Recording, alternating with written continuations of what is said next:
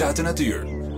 Niemand is een binnenmens. Die ongelooflijk goede reclameslogan dook een tijdje geleden overal op. En met die gedachte en de nodige verbazing en verwondering gaan we naar buiten. We, dat ben ik zelf. Dat ben jij, in omgekeerde volgorde natuurlijk. En natuurkenner Embert Messelink. Hij was de oprichter van christelijke natuurbeweging Arosha. Locatie Landgoed Koelhorst in Amersfoort. We zijn in de Boomgaard. Het hek is open. Ja. Kom binnen. Ik doe hem ook weer even dicht. Het landgoed is namelijk afgesloten. Je komt er normaal niet in. We zijn nu bevoorrecht. Wat, wat is er met die boom gebeurd? Hij valt bijna van ellende uit elkaar. Het is vooral een, eh, een hele oude appelboom.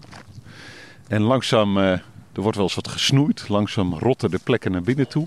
Er is wel eens een specht die eh, zijn hol uithakt in zijn boom. En er staan die bomen die bijna helemaal hol zijn. Waar alleen de, de buitenkant, de schil, zeg maar, nog overeind staat. Het, het, het is een treurig gezicht inderdaad. Want het- hallo? Het klinkt, het klinkt bijna hol. Ja. En toch is het ook fantastisch. Je kunt er op twee manieren naar kijken. Ze vallen van de ellende uit elkaar. En ze moeten vooral blijven staan, zolang het kan.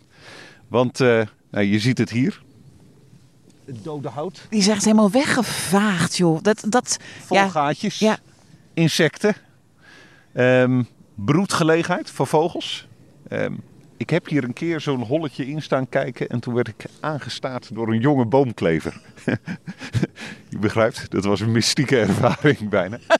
maar het geeft al aan ehm, eh, wat, wat hier bij elkaar komt. Een boomgaard. Er groeien echt nog veel appels aan deze bomen.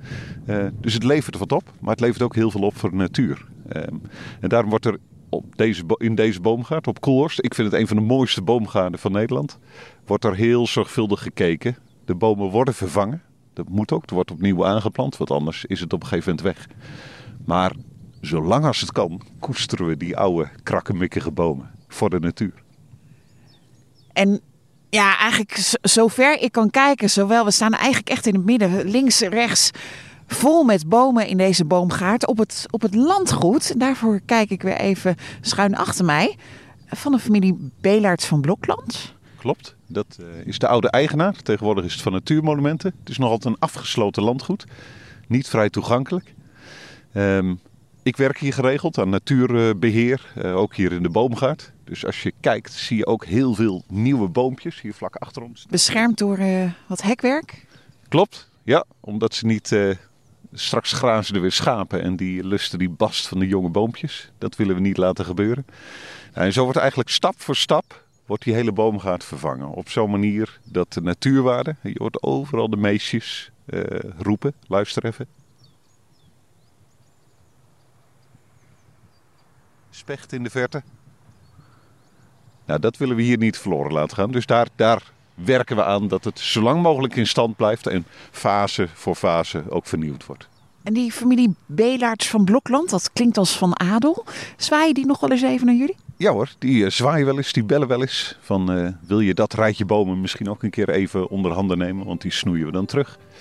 Ehm, en samen met Natuurmonumenten proberen we zo er iets eh, moois van te maken. Samen met natuurkenner Embert Messelink in de Boomgaard. Zien in nog een podcast? Luister naar Verhalen van Hoop via grootnieuwsradio.nl slash podcast.